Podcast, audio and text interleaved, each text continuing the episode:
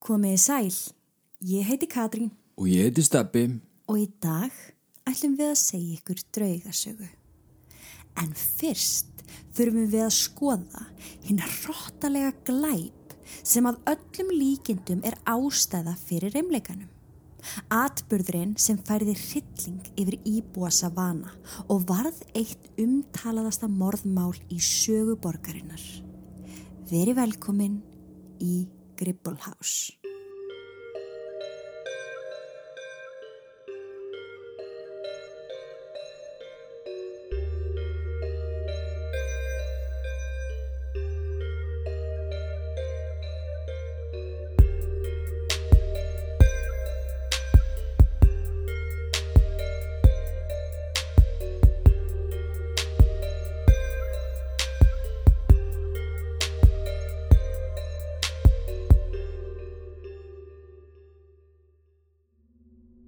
Við viljum minna á að draugasögurnar okkar eru ekki við hæfi barna yngre en 13 ára nema með leifi fullorna.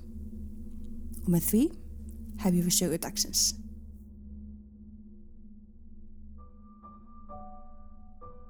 Það var um hádegi spil það 9. desember árið 1909 þegar að Breyti var á leið til vinnu á bifriðaverkstæði skamt frá húsinans.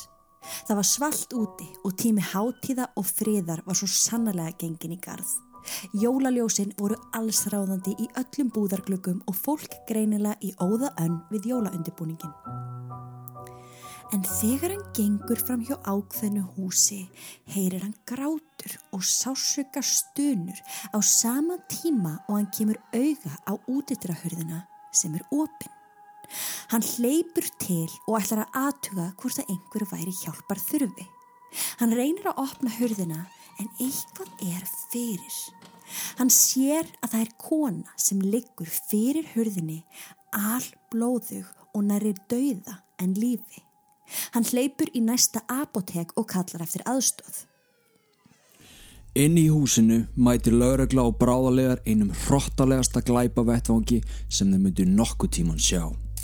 Maggie Hunter, 35 ára, var enn á lífi en öll í blóði og höfuðkúpan brotin. Hún var afmynduð í framann og nánast óþekkanleg. Kerry Ólander, 36 ára, lá aðeins lengra inn á ganginum með höfuðið fallið saman og hárið fast saman með blóði. Miða við staðsetningun á líki hennar var hægt að áætla að hún hafi reynt að verja sig gegn árásamanninum með því að bera hendurnar fyrir sig áður en hún var að lokum skorin á háls. Elisa Grippul, móðir Kerry Ólander, 76 ára gömul, fannst einnig látin í bakherbyrgi húsins, einnig með höfuð sitt afmyndað vegna fjölda sára í andliti og á nakka. Stór öksi sem lá á gólfinu var talið vera morðvopnið. Þetta var enn snemma dags svo blaðamenn kvöldfrétta Savannah Evening Press gáttu strax fjallað um morðið og hér kemur svolítið deja vu því alveg eins og í okkar allra, allra fyrsta þætti Já, við Liska X Murder House þá fengu blaðamenn að rölda um húsið og yfir lík kvennana til að greina frá vettvangnum í fréttum sínum. spáðu í þessu. Í fréttaflutningi var greint frá því að lík frú Gribbul, hún er þessi eldsta hana, Já. hún er 70 Og og 6 ára. 76 ára að lík hennar hafi verið þannig staðsett að hún hafi setið í stól að lesa blaðið og með glas í hönd og andlit hennar friðsælt líkt og hún hafi verið sofandi.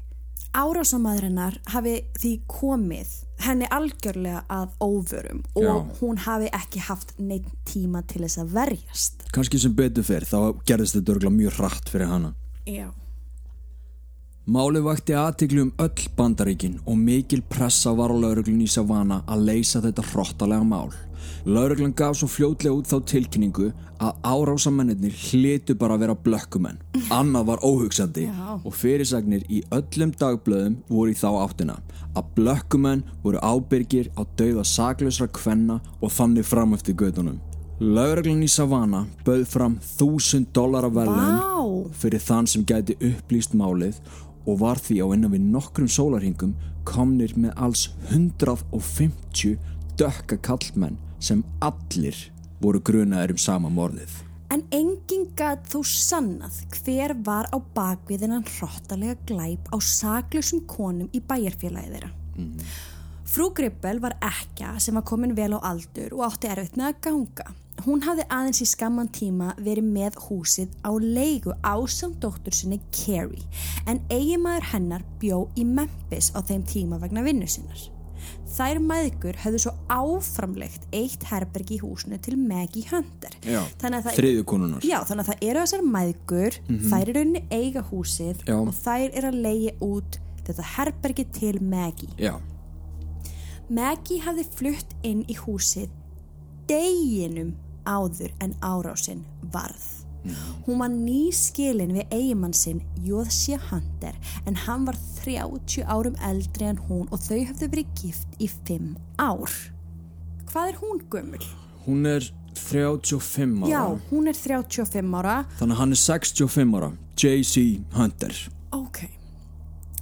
Þessi hræðilegi atbyrður færði dögt skí yfir íbúa Savannah sem reyndu allir að finna svör um hver bæri ábyrð á því að myrða tvær konur og skilja aðra eftir á sjúkrahúsi. Hver var það þá sem að í rauninni ko- fór á sjúkrahúsi?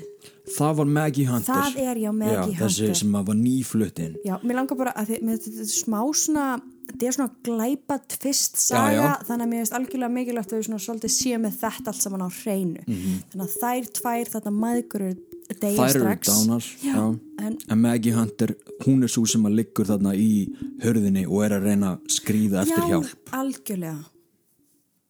Að lokum skiptust bæjarbúar í tvent. Annars vegar þeir sem heldu því fram að um mishefnaða ránstilrun hafi verið um að ræða. Því frú Gribbel gortaði svo ofta því að geima öll sín verðmæti í lítilli kistu heima hjá sér Ok. og að Maggie Hunter hafi rauninni bara verið á raungum stað á raungum tíma. En svo voru það þeir sem heldu því fram að hefnigjarn fyrirverandi eiginmaður Maggie Hunter hafi ráðið henni bana og maðgurnar verið þær sem voru á raungum stað á raungum tíma. Já. Fólk vissi ekki neitt og maður getur svona rétt ímynda sér. Það er allir bara spá hver gerði þetta, hvað gerðist. Ok, þannig að, þess, að þessi eldri maður þarna sem hún er gift að hann hafi í rauninni e, banað henni, eða semst ætlað að bana henni. Já, og hinnar voru bara fyrir. Já. Af hverju held fólk það? Af því að þau voru nýskilin og hún var bara nýflutt þarna. Það Þannig að þessi saga fór eiginlega bara í loftið, bara já þau eru nýja skilin Já, og það lítur strax. að vera Þetta voru bara sögursagnir og maður getur rétt ímynda sér á þessum tíma þá eru allir bara að reyna að hérna, fiska eftir einhverju. En það voru samt allir sammála um og þar á meðal lögreglan Já. í rauninni hversu furðulegt það var að ekki nokkur hræða í nágrenninu eða vegfarendur sem Mhm. voru að labba framhjá höfðu orðið varir við öskur, hróp eða önnur læti. Það Já. bara eins og það er bara eins og enginn hafi tekið eftir neinu. Akkurát. Það er nefnilega talið að árásin hafi átt sér stað um klukkan tvö eftir hádegi og svo hafi ungi maðurinn komið að vettvangnum um þrjúleitið eða klukkutíma síðar. Já, þessi sem að var að ganga til vinnu og hérna kemur auga á þessa konu þarna áskra.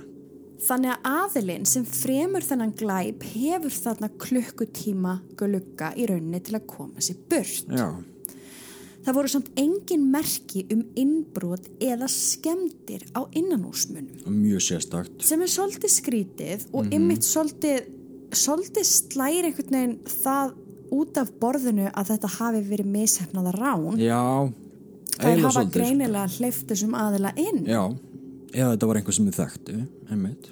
við frekari leit fann lögreglan járnrör í skúr sem var bak við húsið það hefði verið falið og greinilegt var að blóð væri á rörinu þannig að þarna er morðvopni Já. komið blóðdrópar lágu í áttina frá herbergi Maggie Hunter út gangin og að arninum. Þar fundust í öskunni blóðug klæði og viðarbútur sem einnig var blóðugur þó talsvert hafi verið brunnið af hvoru tveggja.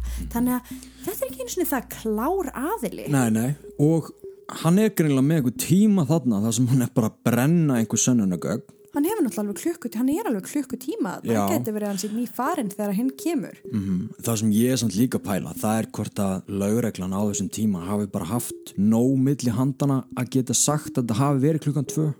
Af því mér finnst líka pínlítið skrítið að sko ef hann draf þau klukkan tvö og hafði þá klukkutíma þarna áður en drengurinn kemur og finnur líkin. Klukkan þrjú. Var hann ekki búin að átta sig á því að Maggie Hunter var ekki dáin? Einmitt, já. Góði punktur. Af hverju, af hverju myndur bara fara að brenna fötið þín og vesenast eitthvað -hmm. ef að Maggie er ennþá á gólfinu að öskra á hjálp? Já, þannig að það einhvern veginn lætur mann hugsa nákvæmlega það sem þú ert að segja þetta gæti að hafa þetta miklu fyrir sko. veist, eða var þetta kannski bara nær þrjú Einmitt. var kannski þessi aðili þessi morðingi Mhm. var hann kannski bara nýfarin einmitt, einmitt. veist, það er einhvern veginn sem ég held frekar Já. Maðgurnar, frú Gribble og Carrie Olander voru grafnar í Laurel Grove kirkjugarnum daginn eftir morðin en svo voru þær grafnar aftur upp nokkrum dögum setna til þess að krifja lík þeirra wow. Veist, já, þau eru grafin daginn eftir morðin og svo aftur upp nokkrum dögum síðar að því nú ætlum við að krifja þau ég held ég fá mikið svör af hverju þetta var gert Maggie Hunter barðist í þrjá daga fyrir lífi sínu á spítalunum í Savannah þar sem ástand hennar batnaði í fyrstu en rakaði svo alls svaðalega þar til líka með hennar að lokum gaf sig. Presturinn John Wilder heimsótt hana í eitt skiptið á spítalan þar sem hann sagðist hafa spurt hana hvort hún þekkt hann. Hún svarar því játandi og segir nafn prestsins Já, John greinilega Wilder. bara með meðvitt. Já, Hann rætti við hana um sálennar og bað með henni. Bara, þú veist, þú ert mjög líklega örgulega að fara að deyja. Já, eða, veist, svona svona þarna. Algjörlega. En að lokum þá spyr hann hvort að hún viti hver reyndi að drepa hana. Og hún nefndi árásamannin á nafn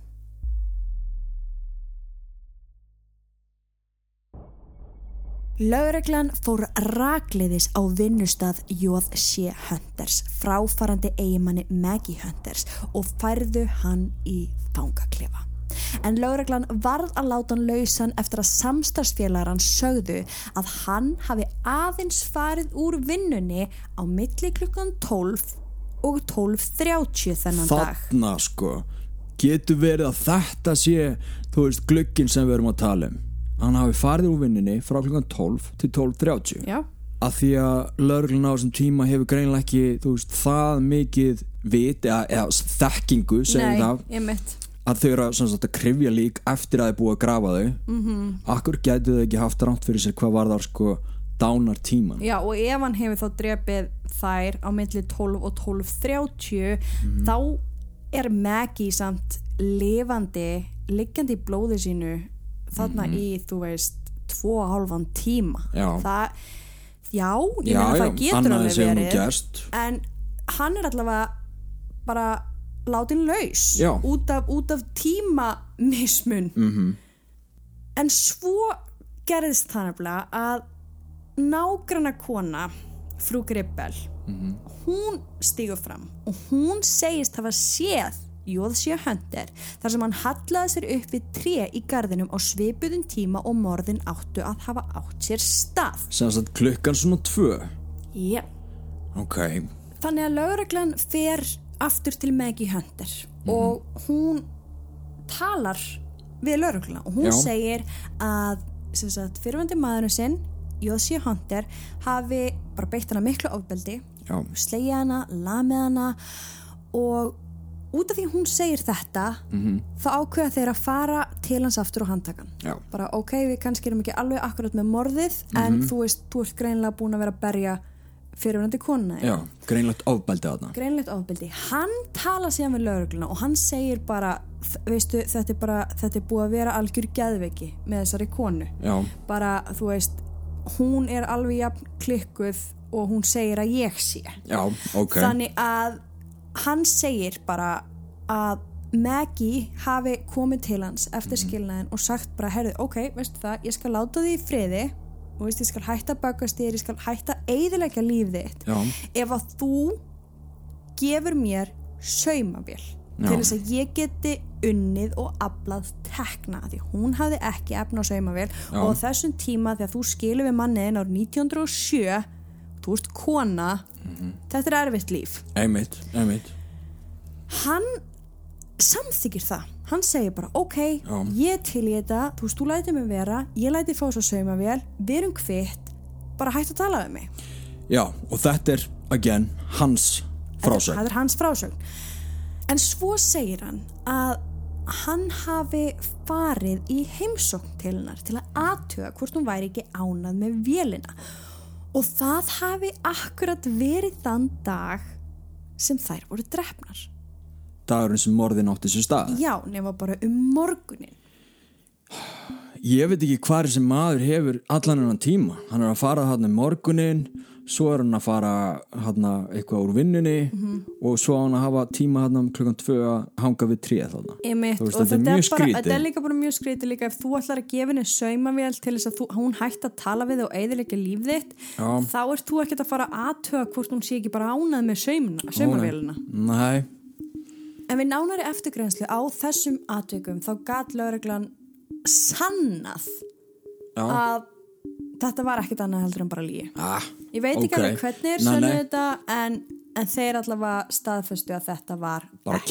Bara kjaftaði mm. að því að Maggie Hunter hafi um morgunin farið í morgumat til systur sinnar og svo gengið á milli húsa þar sem hún bauð efni og klæði til sölu svo hún gæti kift kól til þess að kveika í og geta byrjað að vinna Mhm. þannig að hún hef, það, það, fólk sá hana Já, já. þessu, þann, það er ekki möguleiki að hún hafi hitt Hunter hann í morgunin að hann Nei. hafi komið heim til hennar að því hún var ekki eins og staðnum. Nei, svo er hins vegar annað vitni sem segist hafa séð hana í götunni við Grippelhúsið um klukkan 13.45 þar sem hún var mjög drukkin og á meðan þetta var í gangi á meðan lauruglan er að rannsaka þetta þá eru læknandir á spítalunum að reyna allt sem þeir geta til þess að bjarga lífi Maggie en þurftu á endanum að verka stillana mjög mikið vegna mikil sársöka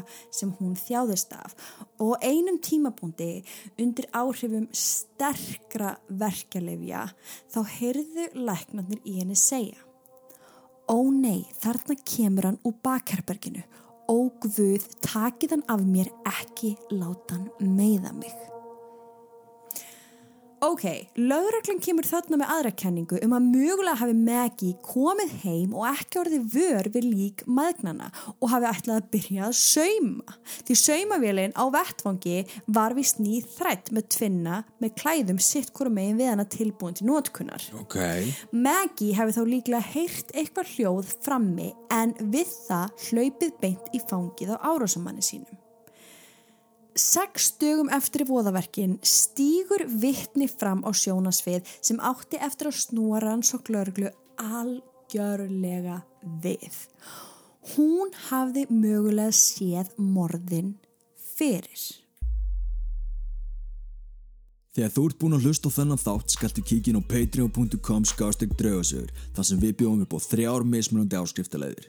Draugasögur aðdándur fá einn auka þátt í mánuði, draugasögur fjölskyldan far fjóra auka þætti í mánuði og draugasögur kynnslóðin þar sem þú far fjóra auka þætti hverju mánuði, eina mínisögu hverju viku, sönnunagögn og myndefn úr öllum rásóknum okkar, tekur þátt í spjallþáttum með okkur og margt, margt fleira.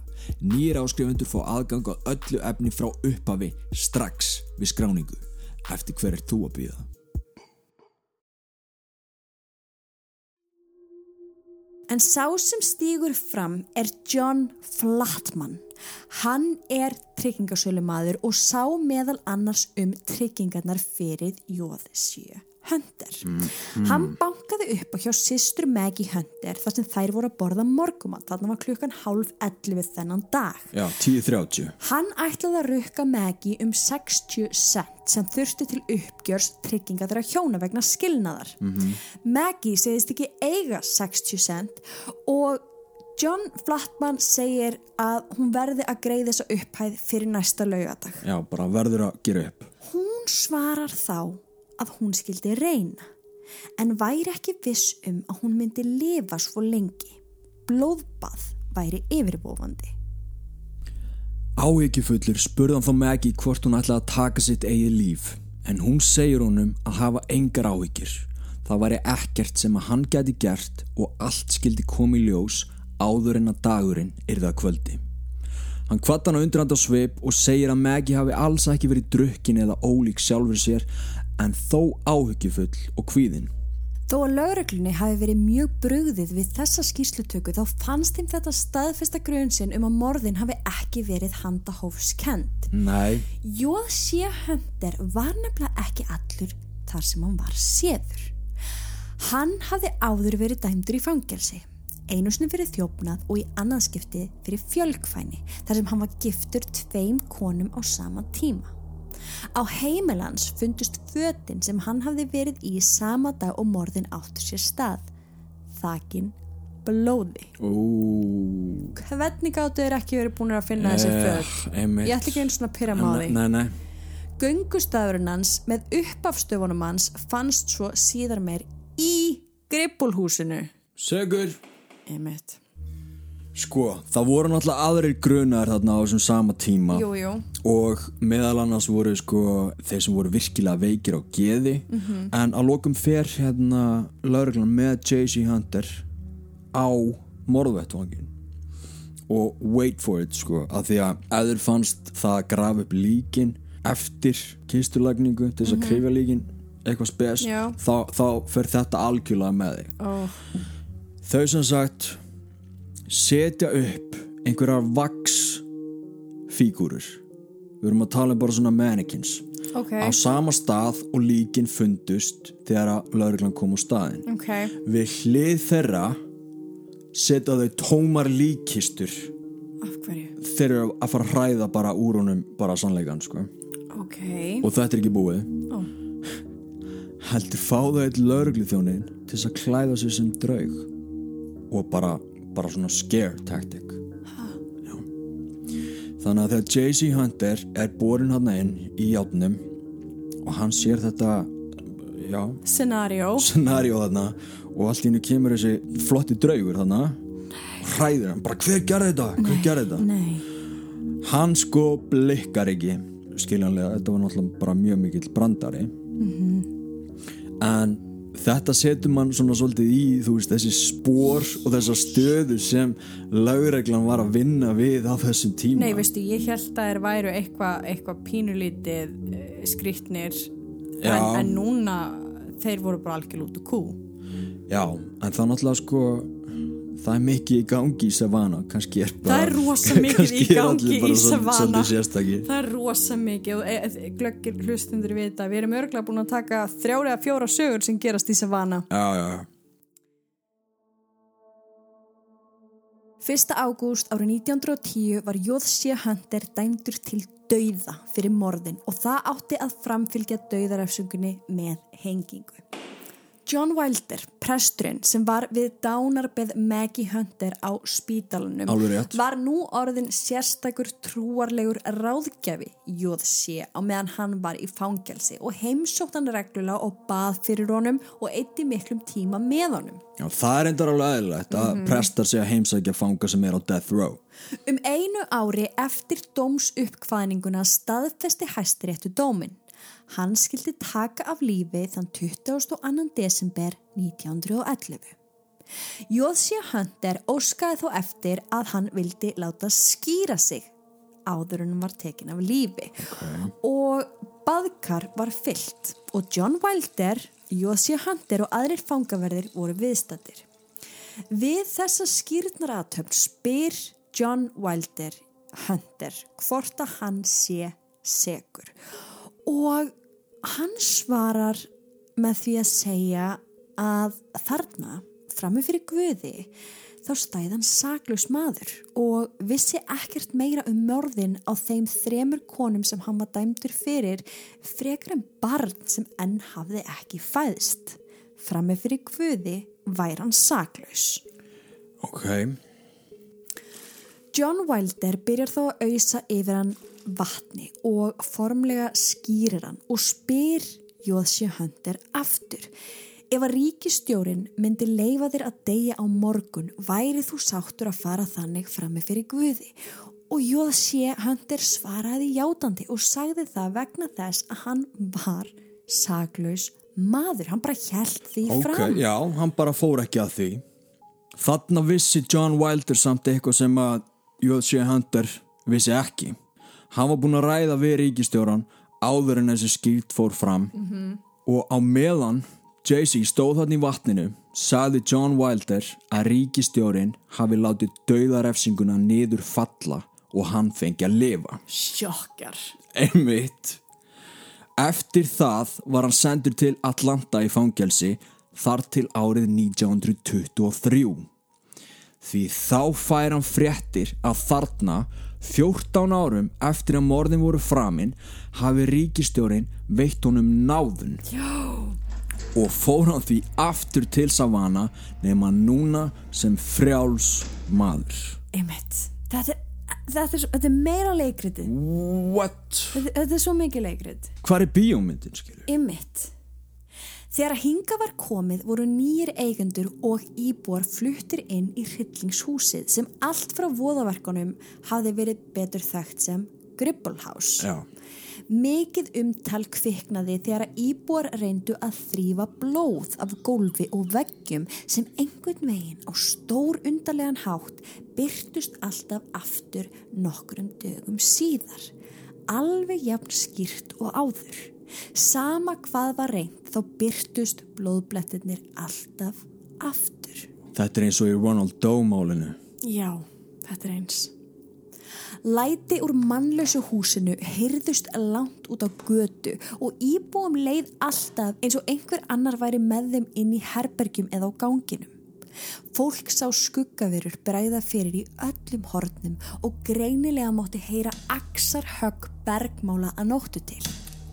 Draugangurinn þótti það mikill að árið 1941 var ákveðið að rífa húsi niður og jafna það við jörðu.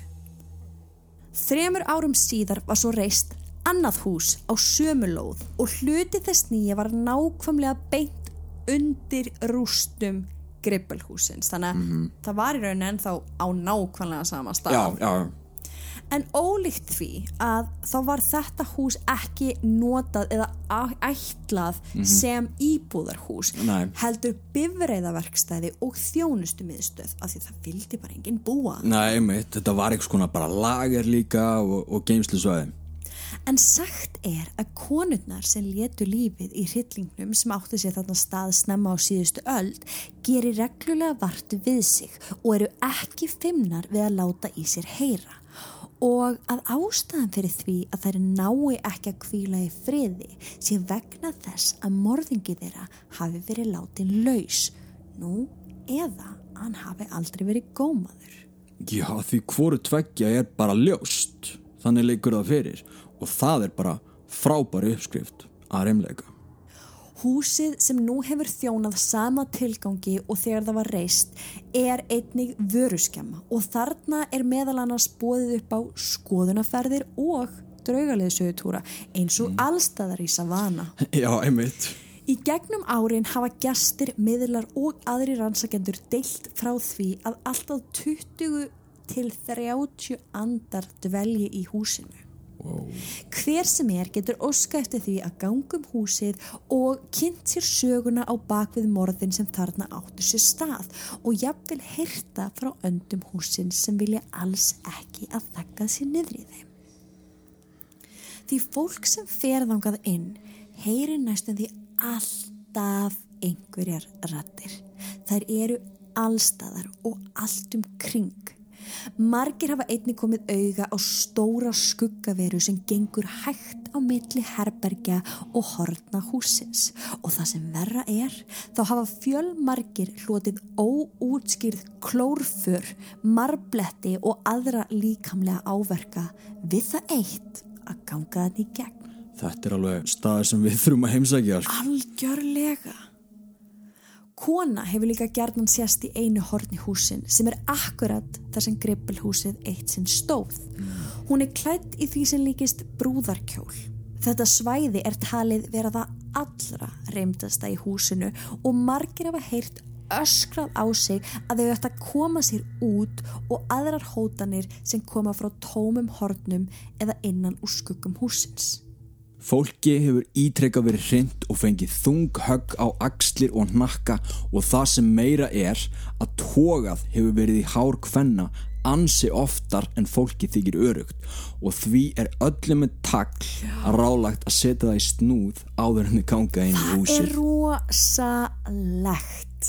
Það, þeir eru svo greinilega bara að segja hæ, takið eftir okkur, hæ, við erum hér, Einmitt. bara hlustið. Bara please, ég er hérna. Patrik, maður sem vann í húsinu um árabil, segir frá einu atviki sem hann lendi í þegar nokkrir aðri samstarfsfélagar voru að bera kassa inn í geimslu og kom allt í einu allir auga á svarta skuggaveru standa við hornið á geimslunni. Allir stóðu þeir grafkerir og sögðu ekki orð en veran virtist hissa að þeir virkilega sá hana og fór fyrir hornið. Svo kom höfuð hans aftur út í stutta stund eins og hann væri að kíkja hvort þeir væri ennþá að fylgjast með honum. Wow, þetta var eins og Dave Swearer talaði um að hver er draugurinn? Who's hunting who? Ymmit! Kannski er hann bara hrættu við þá. Já, Einn úr hópnum bakkar varlega út og sagði upp starfi sínu strax þarna á staðnum. Patrik og annar félagi hans gengu þá rólega að geimslunni þar sem skuggaverðan sást kíkja út um og þar var enginn. Patrik segir að þetta hafi verið einn skýrasta vera sem hann hafi séð á meðan hann starfaði þarna og fór greinilega ekki á milli mála því allir viðstattir sáu nákvæmlega sama. Akkúrat. Það er að góða við fjöldan sko. einmitt. Hann segist samt sjálfur aldrei hafa orðið fyrir neinu ofbeldið þarna en hann hafi þó reglulega fengið á sig svona Aðvaranir. já, svona leiðin það er kallað að honum, það er öskrað á hann bara get out, I will kill you go away en En ekkert ofbeldi sem hann hefur upplegað. nei Nei. Hann vildi samt meina sko að hérna, það væri það eina sem þessir andar getur gert við hann. Bara að öskra á hann. hótt sem kannski alveg rétt Já, já. Eitt bifvélavirki hjá þeim var eitt sem að gera við eitt vagn sem var í geimslu hjá þeim og hann lá á bakinu á þar til gerð bretti og var undir vagninum að gera eitthvað við. Svo skyndilega heyrir hann í einhverjum ganga inn. Hann kallar en enginn svarar. Á meðan hann er ennþá undir bílnum sér hann svo í fætur ganga að vagninum sem hann var undir. Hann rennir sér undan en þar var enginn. Það var engin leið að einhver hefði getað flúið á þessum tveimur sekundum sem það tók hann að renna sér undan bílnum og standa upp. Aðilinn hefði hvergi geta bara horfið. Upp frá þessu þá neitaði starfsmæðurinn að starfa einn í verkstæði húsins og þá sérstaklega þegar hann var að vinna við hættulegar aðstæðir. Hlutir áttu bókstælega til með að fljúa af skrippborðum og rammagstæki fóru ímest í gang að sjálfum sér eða þá að slögtar á þeim. Allir starfsmenn í grippulhúsinu hafa séð eða fundir fyrir einhverju yfirnáttúrulegu. Það er sagt að það er ómögulegt að heimsækja húsið án þess að vera var við neitt. Þetta er draumur paranormal rannsakanda því nánast alltaf er hægt að ná einhverjum sönnagögnum. Í eitt skiptið blossuð upp litlir eldar hér og þar um húsið. Algjörlega tilviljuna kendir og án útskýringa. Það var auðvelt að slökkva eldana sem komu nokkur sunnum upp en í eitt skipti var það til þess að einn ljósrofin skemmtist. Og þetta er held ég sagan sem ég finnst hvað mest ógulegt. Starfsmaður sem var að skipta um rofan var með ljóskastara á rofanum því það var ekkert annað ljós til tax. Þá kemur þetta vélverkin og gengur fyrir ljósið og spyr hann hvað hann sé að gera. Hann svarar þá að hann sé að gera við rofan og byður einstaklinginum að færa sig frá ljósinu. En um leið og hann lítur upp er hann horfin og skuggin með honum. Þannig að þetta var engin bifílaverki. Nei, Þetta var, þetta var einhver sem lappar til hans og segir bara við hann hvað er þetta að gera Já. fyrir fyrir ljósið. einmitt. Þetta er ótrúlegt. Starfsmennur eru samfærir um að andar húsins e, séu mjög líklega forvittnir um öll tækin og Já. tólin og vélarnar sem eru komna þangað inn og finnst þér henni bara gaman að kveiki og slökkva regla á þeim þetta er svolítið eins og við sögðum hérna bara núna í Rannsóknin á Nor Norðurlandi Já, þú veist af hverju ætti hann ekki þú veist, þið sjáuð, fyrsti andin sem við sýnum ykkur er andi sem situr á gömlu fjórhjóli. Já, einmitt. Það er ekkert tilviljun. Nei, nei. Veist, Þetta var ekki til á hans tíma. Af hverju ætti maður ekki að vilja skoða þetta? Einmitt. En í einu slíku atviki var Patrik að halla sér upp við einn vagnin á verkstæðinu og skyndilega kviknar á vélinni og öll ljós loga. Og það furðulegasta af þessu öllu var samt að liklatir af vagninum voru á skrippborði mörgum metrum í burt. Hvernig? Hann gekk rólega frá vagninum sem svo skyndilega drepur á sér.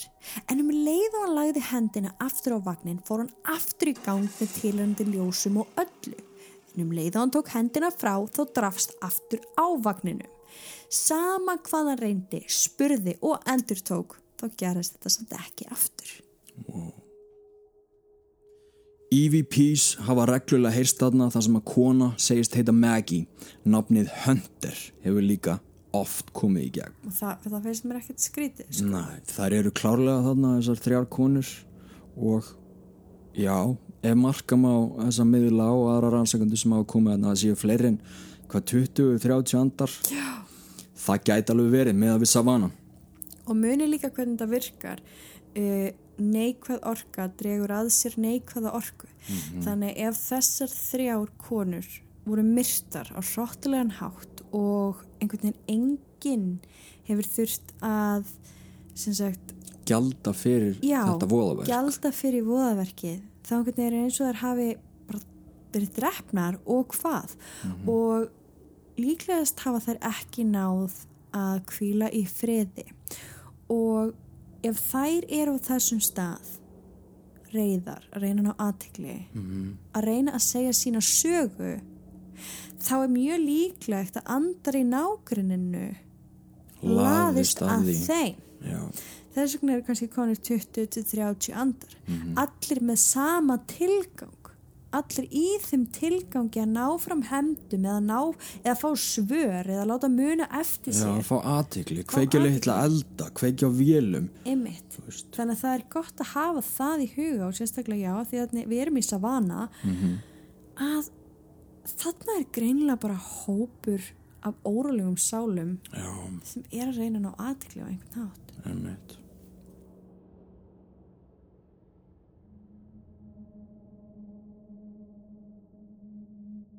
Kanski komum við aldrei til með að vita hvað kom fyrir þennan örlagarika dag árið 1909. Hvort sem morðingin hafi náðust eða ekki, þá er klárt að sá hinn sami hafi aldrei sloppið við refsingu fyrir voðaverkin. En andarhúsins munu þó alltaf vita hvað raunverulega fór fram og hvernig dauða þeirra bar að. Kanski upplifa þau það augnablik aftur og aftur þó engin annar viti af því og stundum heyrum við lifandi brotur því við ákveðin skilirði. En eitt er ljóst að andarhúsins munu áfram berjast fyrir réttlæti um ókomna tíð þar til einhver loksins heyrir í þeim.